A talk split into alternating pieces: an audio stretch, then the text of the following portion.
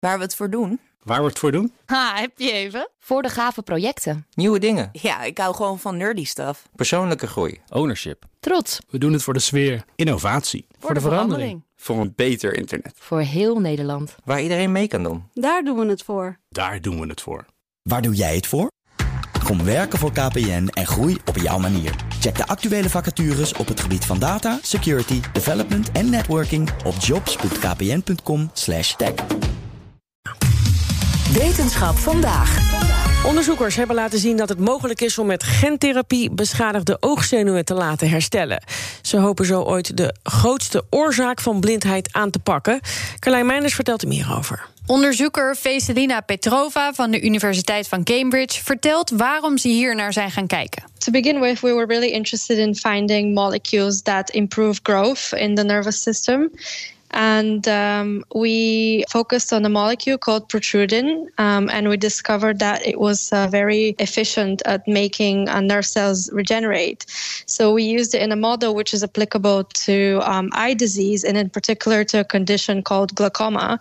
And glaucoma is one of the leading causes of blindness around the world. And currently, there are no uh, treatments or clinical trials uh, for the disease. Ze noemt dus glaucoom. Daaronder vallen een aantal aandoeningen van het oog die leiden tot beschadigingen van de oogzenuw. Er zijn wel wat middelen die de symptomen dan ervan behandelen, maar die doen niets voor schadeherstel. Dus ze zochten in dit onderzoek naar iets wat echt kan zorgen voor dat herstel van die zenuwen. En dat hebben ze dus gevonden. Ja, ze gaan daarvoor helemaal terug naar de basis van dat herstel en gebruiken gentherapie. So we basically uh, used viruses uh, which have been inactivated, so they're not infectious. Uh, we just use them to trick the nerve cells to think that this is a virus and they have to um, uh, take it in. So we just use the capsule of the virus and inside we package the gene. So the nerve cells think this is a virus and they have to take it in and destroy it. So they do, but what actually happens is our gene integrates in this way.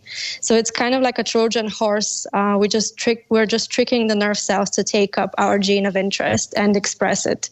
En dit hebben ze gedaan op dezelfde manier waarop dit nu met gentherapie al gebeurt. Dus ze hopen zo dicht mogelijk al te zitten op die klinische proeven die ze straks willen doen.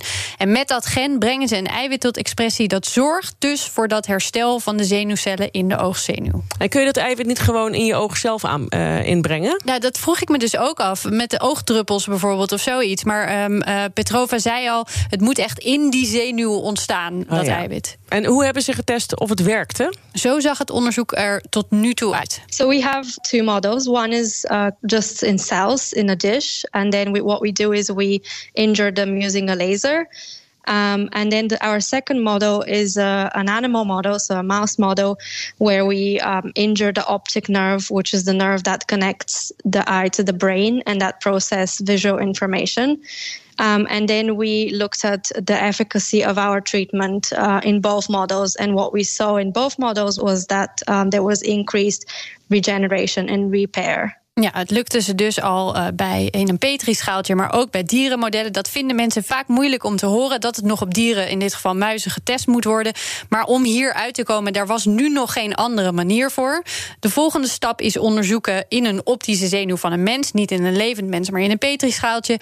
En daarna pas kunnen ze door naar die klinische testen. Ze moeten nog bekijken in hoeverre betekent herstelde zenuwen ook hersteld zicht. Dat is heel belangrijk. En dan nog bekijken of er bijwerkingen zijn als dit in mensen wordt toegepast. Dus ze zijn zijn hier nog wel een paar jaar mee bezig. Maar dat dit al gelukt is, is heel hoopgevend. En dat zei Carlijn Meinders.